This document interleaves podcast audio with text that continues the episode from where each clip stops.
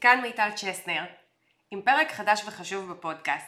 היום אני בפרק הזה אה, לבד, רק אני, ואני אספר לכם שהרעיון לפרק החשוב הזה, שזה בעצם פרק שבו אני מסבירה איך מביאים כסף מיד, הוא נולד משאלה של בעלת עסק שאני מלווה כבר תקופה. והרגשתי צורך מאוד חשוב לענות לה, הבנתי שזה משהו שאני אוכל לשתף איתו את כולם. רועי בן הזוג שלי שבדרך כלל מקליט איתי פרקים אה, לא זמין להשתתף בפרק היום ולי חשוב שהוא יעלה. ולכן פשוט החלטתי שאני קופצת למים ומקליטה אותו לבד. אז אה, מסר קטן לפני שאני מתחילה, אנחנו צריכים לעשות משהו, אנחנו רוצים לעשות משהו, לפעמים צריך פשוט לעשות אותו עכשיו, לא לדחות אותו, ואז הוא באמת קורה ועובד, ויש לנו את מה שרצינו בשיווק שלנו. אז הנה אני איתכם מתחילה את הפרק הזה. אה, פרק שהוא, אולי יש מי שיחשוב שהוא לא אופייני לי, כי אני מאוד מאמינה בעבודה בעסק לטווח ארוך, בצורה טובה, בצורה בסיסית.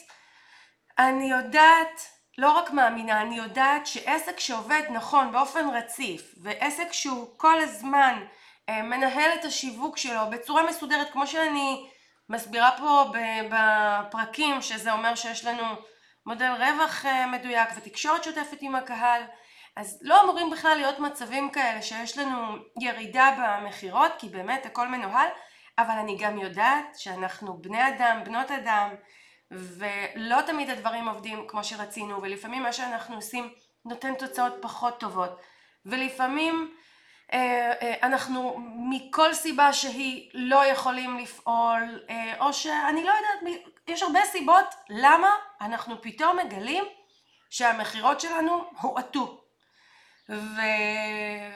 וקליניקה שהייתה מלאה פתאום ריקה אם לקרוא לזה ככה, או אנחנו לא רואים מתאמנים חדשים. לצורך העניין היו לי מתאמנים שהיו אצלי, או מטופלים שהיו אצלי, הם סיימו תהליכים ולא הגיעו מטופלים חדשים. אה, יש לי חנות ותקופה מסוימת שכמות הלקוחות שמגיע היא נמוכה מהרגיל או אה, עסק שמוכר כל דבר אחר, קורסים, סדנאות, פתאום מתמלאות פחות ובעצם מה עושים? מה עושים במצב הזה? אז אני אחלק את הפרק לשניים. אני קודם כל אגיד מה עושים, כדי כן לתת את התשובות, כי יש דברים שאפשר לעשות במצבים האלה.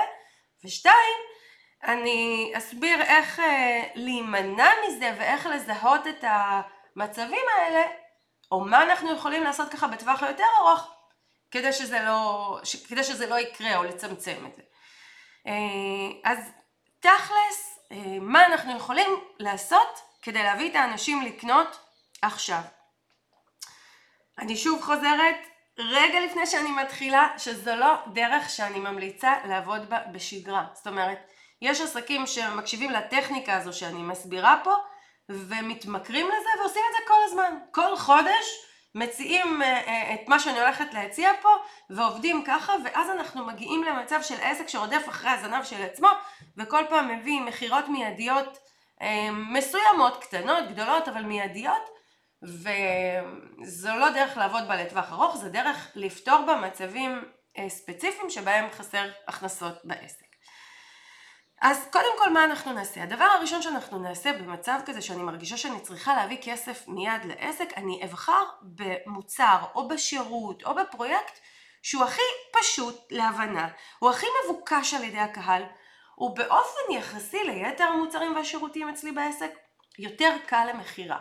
ואני אתן דוגמאות. נגיד שאני חנות ויש לי מוצרים, אז יש את המוצרים היותר מבוקשים על ידי הקהל. לצורך העניין אני אתן דוגמה, אני אקח שמלה מסוימת, אה, אני יודעת שנגיד בקיץ לקוחות אוהבות שמלות, אני אצור או אמצא אצלי אה, שמלה שאני יכולה אה, להציע אותה במחיר שהוא יחסית אטרקטיבי, כזו שטווח המחירים שלה לא גבוה ואני יכולה גם להציע עליה הנחה כלשהי. ואני אבחר בה להיות זו שמה שנקרא אני מתקשרת אותה לקהל, תכף אני אסביר איך, או אם אני יועצת או מטפלת ויש לי קליניקה אז אני יכולה אה, לקחת איזשהו נושא שטווח יעד גדול של הקהל שלי עשוי מאוד מאוד להתעניין בו, אני יודעת שהוא תמיד חם, אני יודעת שהוא רלוונטי, בין אם זה לתקופה, בין אם זה הרבה אנשים מתמודדים איתו, אני שוב אחזור נגיד לדוגמה של מאמנת, אני יודעת שנשים שמגיעות לקליניקה שלי, או אה, אחד הנושאים שהכי מעסיקים אותם, זה בחירה מקצועית נכונה, שיהיה לי בתור ושאני אסתכר טוב. לדוגמה, אוקיי? אז אני בעצם אה, יכולה לבחור אה, באיזושהי הצעה מהעסק שלי שקשורה בזה, לדוגמה, פגישה, פגישה שתמקד אותך אה, אה, בבחירה המקצועית הנכונה לך. או אני מדריכת הורים, אני יודעת שכרגע אנחנו הולכים לצאת לחופשה ואני יודעת שבזמן חופשה ההורים וילדים נכנסים קצת לסטרס, מה עושים, איך מנהלים את הזמן, איך אה, נשארים בשגרה, יעילים, אני יכולה להציע איזושהי פגישה ממוקדת לנושא הזה. כי אם אני מעצבת, אני יכולה להציע פרויקט עיצובי ממוקד, ענייני, שאני מציעה אותו עכשיו. עכשיו, בדרך כלל, כשאני אציע מוצר, שירות, אה, אה, שהוא ככה מיידי, שהוא מעכשיו לעכשיו, שהוא יותר מבוקש, שהוא יותר קל, לרוב הוא פחות רווחי בהגדרה שלו, ואני אוסיף ואומר שאני גם מציעה להוסיף לו איזושהי הטבה. לצורך העניין הנחה ספציפית. או אני אתן לכם דוגמה, לפני הרבה שנים, כש, אה, בשנים הראשונות של העסק, אני זוכרת שהיה חג פסח התקרב, ואני הרגשתי שיש אה, פחות מכירות אצלי ואני רוצה להביא לקוחות, אז אמרתי להם דבר כזה, כל מי שיזמין אצלי פגישה לפני חג פסח, יקבל פגישה נוספת במתנה אחרי חג פסח. בעצם מה עשיתי? לקחתי מוצר שהיה מאוד מבוקש אצלי שזה פגישה פרטנית. נתתי לו הטבה, אבל הטבה שהיא לא מורידה מכמות הכסף שאני מקבלת. זאת אומרת, את הכסף, את, את הסכום שהייתי רגילה לקבל לפגישה, עדיין קיבלתי. אבל נתתי הטבה שהיא אה, באמת, אה, אני מקדישה לה עוד זמן ואני נותנת ללקוחות שלי עוד, עוד שירות, אבל אני משאירה אצלי מספיק כסף והדבר העיקרי, המטרה העיקרית שהייתה לי, אני מכניסה כסף בתקופה שרציתי. התנאי היה שמזמינים את הפגישה לפני החג. זאת אומרת, אתם את הפגישה הראשונה מזמינים אצלי לפני החג. אני זוכרת שבאותו שבוע מכרתי ב-2,400 שקלים, זו הייתה הכנסה מאוד יפה שנתנה לי קצת שקט לפני החג, היה שווה לי להקדיש פגישה נוספת אחרי החג בשביל לייצר את אותן הכנסות מיידיות. עכשיו לרוב שירותים כאלה, מוצרים כאלה, הם לא יהיו רווחיים במיוחד. זאת אומרת, בוא נודה על האמת. אם אני רוצה להביא לקוחות עכשיו בכל מחיר, להכניס כסף, זה עלול לשחוק לי את הרווח. זה גם עלול קצת לפגוע בתפיסת המחיר. כי אם עכשיו הזמנתי לפגישה או לפרויקט מסוים ונתתי עליו נגיד הנחה או הטבה, סיכוי טוב שאותם אנשים שקנו או אותם אנשים ששמעו את זה ירצו אולי שאני אמשיך לתת את ההטבה הזו בהמשך. זאת אומרת, יש פה מחיר שאנחנו משלמים על ההתנהלות הזו, אבל אה, שוב, אני חוזרת ואומרת שני דברים. אנחנו נשתדל לעבוד נכון בכלל לא להגיע למצבים האלה, אבל אם הגעתי למצב הזה שאני כרגע צריכה הכנסה, אז זה מה שאני עושה. אני לא הולכת ושוחקת את המוצרים שלי ואת תפיסת המחיר שלהם ואת הרווח שלהם באופן דרמטי. לדוגמה, אני לא הייתי נותנת פגישה ב-50% הנחה, אבל כן הייתי נותנת פגישה נוספת במתנה, וזה נתפס אחרת אצל הקהל. זאת אומרת, לקבל עוד פגישה במתנה מרגיש כמו מתנה יקרת ערך, ולא שבעצם אה, מכרתי את השירות המשמעותי שלי בצורה מוזלת, בצורה מסחרית, בצורה ששוחקת את התפיסה של המחיר הזה. אז, אה, אז זה דבר חשוב, וגם אנחנו יכולים להחליט שאנחנו מגדירים את המוצר או השירות הזה שלנו בצורה קצת שונה. לצורך העניין אני קוראת לפגישה הזו פגישת מיקוד, אני מנהלת אותה בצורה קצת אחרת, כדי שאם לקוחות יגידו אחר כך, אה, מיטל, אבל נתת לי פגישה נוספת במתנה, אני, תני לי הטבה אחרת, אה, כשאני אזמין אצלך עוד פגישות, אז או שאני באמת אצור לעצמי הטבה מסוג אחר על פגישות עתידיות, או שאני אסביר, תקשיבו, הפגישה הזו, הפורמט שלה, משך הפגישה, האופן בה עשינו אותה הוא שונה ולכן יכולתי לתמחר אותה בצורה הזו. את הפגישות השוטפות, התהליכים השוטפים, אנחנו בעצם אה, ננהל בצורה קבועה, בצורה רגילה, ש, אה, איך שאתם תנהלו אותם בעסק, ולכן אה, זה, זה, בעצם לא תהיה פה פגיעה בתפיסת המחיר. אני אקח לדוגמה פרויקט עיצוב. נגיד שאני מעצבת, מעצבת פנים, מעצבת גרפית, מעצבת מכל סוג. אז אני יכולה לבוא ולהציע אה, עיצוב נקודתי, אני אלך רגע לעיצוב פנים, עיצוב נקודתי רק של הסלון אה, לקראת אה, חג הפסח, אוקיי? או של המטבח. אז יש פה עיצוב מאוד מאוד נקודתי. אני אוכל ליצור תהליך מאוד יעיל. לצורך העניין אני עושה פגישה ראשונה בזום, פגישה שנייה שולחים לי תמונות, אחר כך אני שולחת הנחיות לרכישות דרך האינטרנט, והזוג או המשפחה שהזמינה את השירות שלי הולכת וקונה.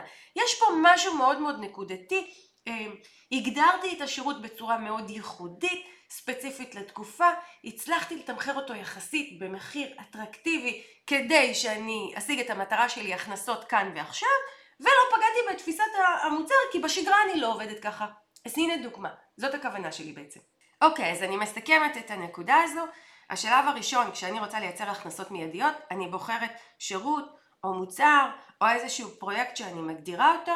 אני אבחר תמיד בנושא שהקהל מאוד מאוד רוצה, אני אגדיר אותו בצורה שהיא קצת יוצאת דופן ממה שאני בדרך כלל עושה בעסק, ואני אתן לזה הטבה שהיא לא הנחה, אלא תוספת, אה, הגדלה, פורמט קצת אחר, כדי שבהמשך אם אני ארצה למכור את אותו שירות או מוצר במחיר הרגיל שלו, התפיסה לגבי המחיר שלו לא תיפגע והלקוחות לא יבקשו ממני אה, להוריד להם במחירים גם בהמשך. הדבר הבא שאני אעשה זה אני אפנה עם ההצעה לכל המעגלים הקרובים והזמינים לי. עכשיו, אני מדברת על לקוחות פוטנציאליים שיכולים לקנות את מה שאני רוצה למכור ובעצם תמיד יהיו סביבי מעגלים טבעיים של אנשים, של לקוחות פוטנציאליים שיכולים לקנות. קודם כל יש את המעגלים המאוד טבעיים, חברים, משפחה, זה לא שמשפחה תקנה אבל משפחה יכולה לעזור לי להפיץ את הבשורה, קבוצות וואטסאפ אזוריות, אמ, אני יכולה לשתף בסטטוס שלי בוואטסאפ כדי שאנשים ככה שאיתי בקשר ישמעו, יקראו ואפילו אה, לפרסם את ההצעה וגם לכתוב שאם היא לא מתאימה לכם אבל עשויה להתאים לחברים תשתפו איתה.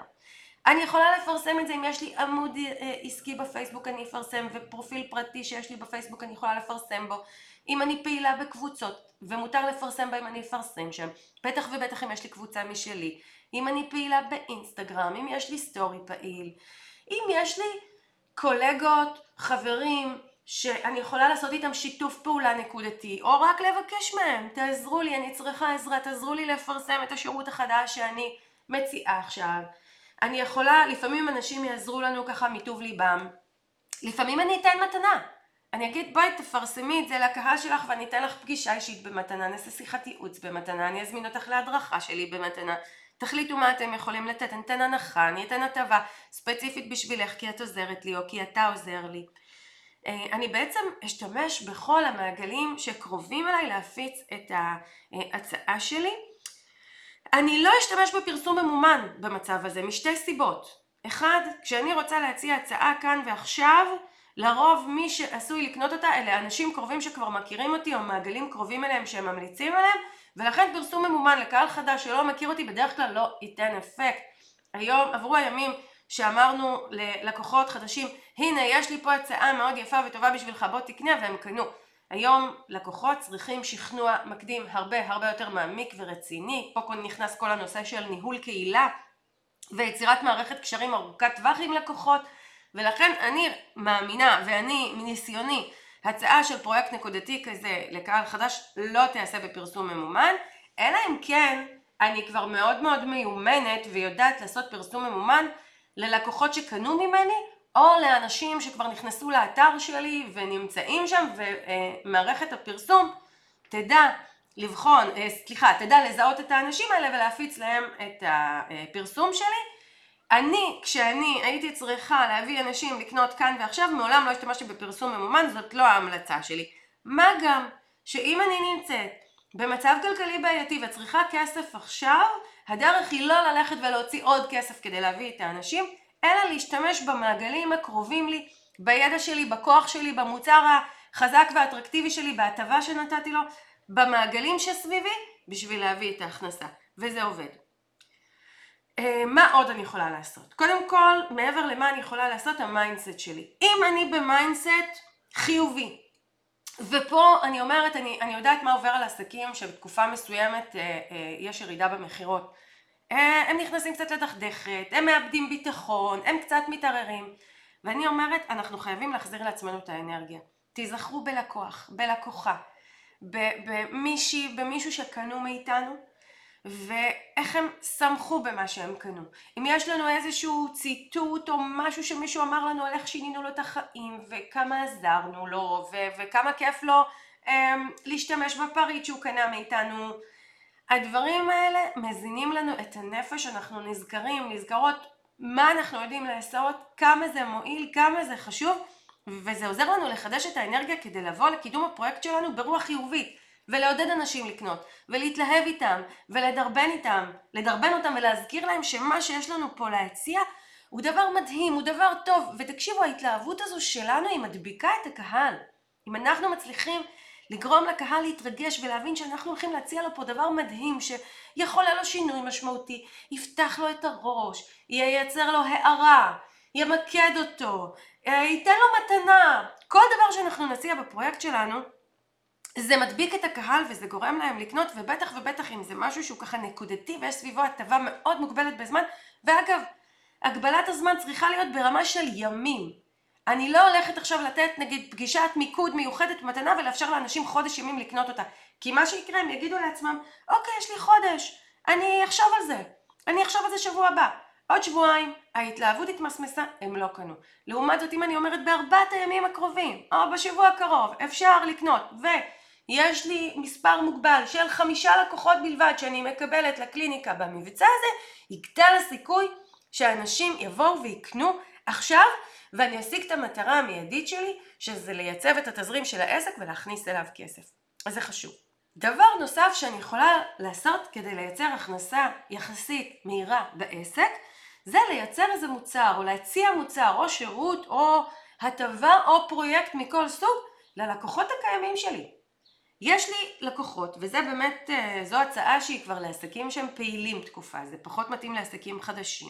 אבל יש לי כבר לקוחות, בין אם אלה אנשים שעשו איתי תהליך, למדו ממני, אה, ליוויתי אותם, בין אם אלה אנשים שקנו בחנות שלי, אה, ולאנשים האלה אני יכולה, יש לי כבר היכרות מקדימה איתם, ואני יכולה לתאר לעצמי או לשער או להציע איזושהי הצעה שהיא תביא אותם לקנות ממני עכשיו איזשהו מוצר המשכי כי אני יודעת שזה רלוונטי להם. נגיד שאני אה, מטפלת ואני יודעת שעוד מעט מגיע חג פסח וחג פסח מביא איתו המון המון אה, אמוציות סביב אה, זוגיות, משפחה, מה לעשות בימים האלה. אני יכולה להציע איזושהי סדנה ממוקדת, אני יכולה להציע הרצאה ממוקדת, אני יכולה להציע פגישת מיקוד בנושא הזה. ולהביא בעצם את הקהל שלי שכבר מכיר אותי, שכבר סומך עליי, שכבר קנה ממני, שכבר יודע שאני יכולה להועיל, להועיל לו, להביא אותו, אה, להביא אותו בעצם לקנות ממני עכשיו איזשהו מוצר נקודתי שהוא מיועד אליו. זאת אומרת בהגדרה המוצר שלי מיועד ללקוחות הקיימים שלי. אני יכולה להחליט שאני מפיצה אותו לכולם ומטבע הדברים מי שיבוא לקנות ממני אלה הלקוחות שכבר מכירים אותי או שאני יכולה להציע את זה רק למי שכבר קנה ממני, מי שכבר מכיר אותי. תראו, אנשים שקנו מאיתנו הם אנשים שסומכים עלינו, אנשים שכבר בסבירות גבוהה הנכונות שלהם לקנות כבר עוד מוצר או שירות היא גדולה משמעותית. אני יודעת שהרבה מדברים על זה, זה לפעמים עלול להיתפס כמו איזושהי קלישאה, אבל זה לא, זה פשוט ככה. המהירות שבה אנשים שכבר קנו ממני פעם אחת קונים פעם שנייה היא אחרת, היא מדהימה לעומת להביא לקוח חדש. אז תנסו לחשוב מה אפשר להציע לקהל הזה. עכשיו כל, ה, כל דרך החשיבה הזו שאני מתארת היא, היא, היא באמת, היא מיועדת לעסקים שיש בהם את הבגרות ואת הבשלות להסתכל על העסק מלמעלה ולהגיד כרגע אני צריכה כסף בתזרים העסק. כרגע המטרה העיקרית שלי זה להכניס כסף כי אני באיזושהי מצוקה. מצוקה רגשית, מצוקה אה, כלכלית כתוצאה מזה שאין לי הכנסות כרגע, כתוצאה מזה שהעסק הוא, הוא מה שנקרא אין בו מספיק פניות אני פותרת את זה, וכרגע על זה אני שמה את הפוקוס. אם אני נותנת לכל מיני דברים אחרים להסיח אותי, כמו מה יגידו עליי, מה יגידו שאני מציעה מוצר כזה, או אה, איך זה יפגע בי בהמשך, הדברים האלה יפריעו לי לקדם את הפרויקט, להביא את הכסף ש, שבעצם יביא אליי לקוחות, ינצוח בי ביטחון וייתן לי את הכסף שאני צריכה, זה פשוט יפריע לזה. אז תנסו לשים את הדברים האלה בצד. ולהתרכז כרגע בפרויקט העיקרי שזה להביא מה שנקרא כסף הביתה, ככה אני קוראת לזה. ושוב אני אומרת, לא הייתי לוקחת אה, מוצר שאני רגילה, זאת אומרת, נגיד שאני חנות ויש לי אה, ליין של שמלות מאוד חזק וטוב, ואני עכשיו יודעת שאת השמלות האלה אני מוכרת אה, יחסית, הן נמכרות טוב, לא הייתי לוקחת שמלה כזו ומורידה אותה ב-50% הנחה, רק כי אני צריכה כסף, כי מה שעשיתי גזרתי את דינו של המוצר מכאן והלאה, לקוחות יצפו לקבל אותה ב-50% הנחה וכבר לא הסכימו לשלם את המחיר המלא. אבל אם כן לקחתי קבוצת מוצרים ספציפית שנתתי לגביהם הטבה ולא הנחה חותכת, אמ, אז, אז זה כן יכול לעבור. אז נעצור רגע ונהיה חכמים ונחשוב מה זה המוצר הזה ומה זה השירות הזה שאני יכולה לתת עכשיו בהטבה משמעותית ומיד, כדי שבאמת לא יהיה לי קונפליקט מול מה אני אעשה אחר כך ואיך לקוחות יתייחסו אליי ואיך הם ירגישו. אז זה דבר חשוב. עכשיו אני רוצה לסכם ולהסביר נקודה מאוד מאוד מאוד חשובה. יש קשר הדוק בין עשייה שלנו לבין תוצאות בעסק. תמיד, באופן קבוע, כשיש מכירות טובות והכנסות ופניות לעסק, זאת תוצאה של דברים שעשינו, שאמרנו, שכתבנו, של פעילויות שהיינו חברים וחברות בהם. מכירות טובות לא מתרחשות בוואקום, אין קסמים בעסקים. מכירות או הכנסות או פניות או לקוחות מתעניינים זו תוצאה של העשייה שלנו. עכשיו לפעמים זו עשייה מוגדרת.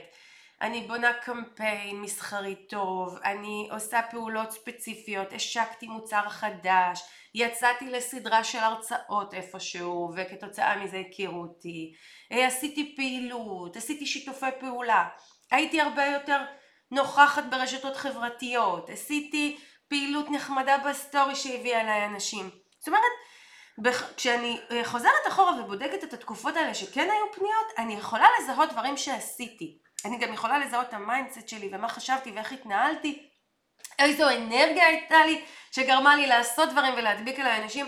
ומי שפעיל, פעילה ברשתות חברתיות, אפשר ממש ללכת אחורה ולבדוק מה עשיתי אז, מה כתבתי, מה אמרתי, מה פרסמתי, שהביא אליי את האנשים. עכשיו, כשאני רואה את הקשר הזה, והקשר הזה קיים, אין, אין קסמים בעסקים, תמיד יש קשר. עשיתי, יש תוצאות, לא עשיתי, אין תוצאות. האטתי תקופה, אין תוצאות. יכול להיות שהקליניקה שלי הייתה מלאה, הייתי מאוד מאוד עמוסה, הורדתי בשיווק ואפילו לא שמתי לב, והאנשים שסיימו איתי תהליך סיימו, אנשים חדשים עדיין לא הגיעו, והנה, יש לי במפר, יש לי אה, חור בתזרים, אוקיי? דברים לא קורים סתם. אז אני, עצה מאוד מאוד חשובה שאני בעצם נותנת לעסקים. לכו אחורה, תבדקו בתקופות הטובות מה עשיתם אז, מה היה אז, מה קרה אז, ותנסו לשחזר את זה. בין אם זה אה, לעשות שוב פעילות. לפעמים אפשר להעתיק את אותו דבר שעשיתי אז שוב.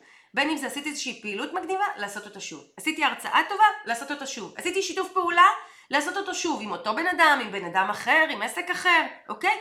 אבל תזהו מה היה שם. אפשר להעתיק אותו, אפשר לעשות עוד משהו בהשראתו, אה, ואחד הדברים שיקרו גם כשאני מתחילה לזהות את הקשר הזה, אני חושבת שגם יורד ממני עומס רגשי, כי אני מבינה שזה שיש הכנסות או אין הכנסות בעסק זה לא עכשיו אה, אה, איזשהו משהו שאין לי שליטה עליו, יש לי שליטה. הנה, אני מבינה שבעקבות עשייה שלי יש לה תוצאות. אז זה מרגיע אותי להבין שאני יכולה פשוט להחזיר את העשייה הזו ולראות שוב את התוצאות.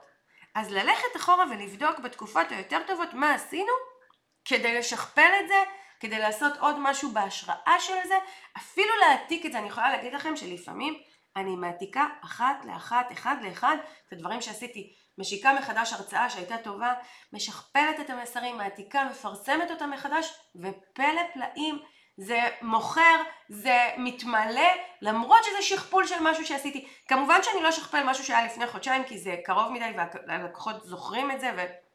וזה פחות יעבוד, אבל אם לפני ארבעה חודשים עשיתי איזושהי פעילות, או לפני חצי שנה, או לפני שנה, אני בהחלט יכולה לשכפל אותה. אז תעשו את העבודה הקטנה הזו, ללכת קצת לחקור אחורה, מה עשיתי, מה פרסמתי, מה תקשרתי, עם מי, מה, מה הצעתי, ו- ולהבין אה, איך אני יכולה לשכפל את זה. תמיד, תמיד, תמיד לבמפר בתזרים, לחור בתזרים, יש סיבות, הוא לא בא סתם. ובואו נהיה ככה ישרים עם עצמנו והוגנים עם עצמנו ונבין ככה מה היה. שוב, כי גם זה מאפשר לנו לתקן וגם זה מייצר לנו שקט. זה, זה לא אמור להלחיץ אותנו. זה לא אמור להיות המקום הזה שאנחנו מלקים, מלקות את עצמנו ואומרים אוי אני לא בסדר, לא פעלתי, אוי לא פרסמתי, לא הייתי נוכחת.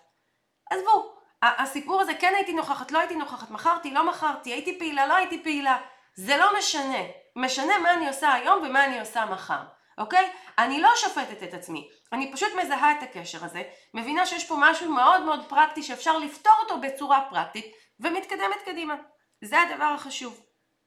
ואני אסכם ככה סופית סופית ואומר שאנחנו יכולים להימנע מהמצבים האלה אם אנחנו ננהל את השיווק בצורה שוטפת, יהיה לנו סל שירותים ומוצרים ברור, תקשורת שוטפת וקבועה עם הלקוחות שלנו, קמפיינים שעובדים באופן קבוע, שיווק אה, לפי תוכנית, מחובר ליעדים שלנו, מאוזן, שאנחנו יודעים בעצם בכל חודש בשנה מה אנחנו עושים, מה אנחנו לא עושים, מתי אנחנו יוצאים לחופש, מתי אנחנו מגבירים קצב כדי למלא את הקופה, מתי אנחנו יכולים להרשות לעצמנו קצת להוריד.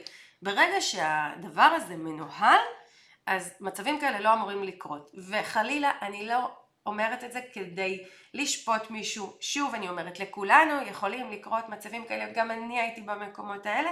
אני פשוט אומרת שברגע שאנחנו מודעים למקום הזה, למה, איך נכון לעבוד, אז אנחנו מצליחים לצמצם כמה שיותר את המצבים האלה ואפילו להימנע מהם לחלוטין וזה הפאנץ' של מה שאני אומרת פה, תעבדו נכון, תחזרו לבסיס, תשווקו בצורה טובה. בפודקאסט שלי יש אין ספור פרקים על ההתנהלות השיווקית והעסקית הנכונה בעצם שמאפשרת לנו להישאר יציבים. אמ, בהדרכות שלי, בכנסים שלי, בקורסים שלי, אני מלמדת את הדברים האלה גם כן לעומק, אז אפשר להגיע גם לשם. בקבוצת הפייסבוק שלי עושים עסקים גדולים עם מיטל צ'סנר, אפשר לבוא ולשאול אותי כל שאלה על הפרק הזה ובכלל. אני אאחל לכולנו המשך שבוע טוב ושרק נמשיך לעשות עסקים גדולים. להתראות.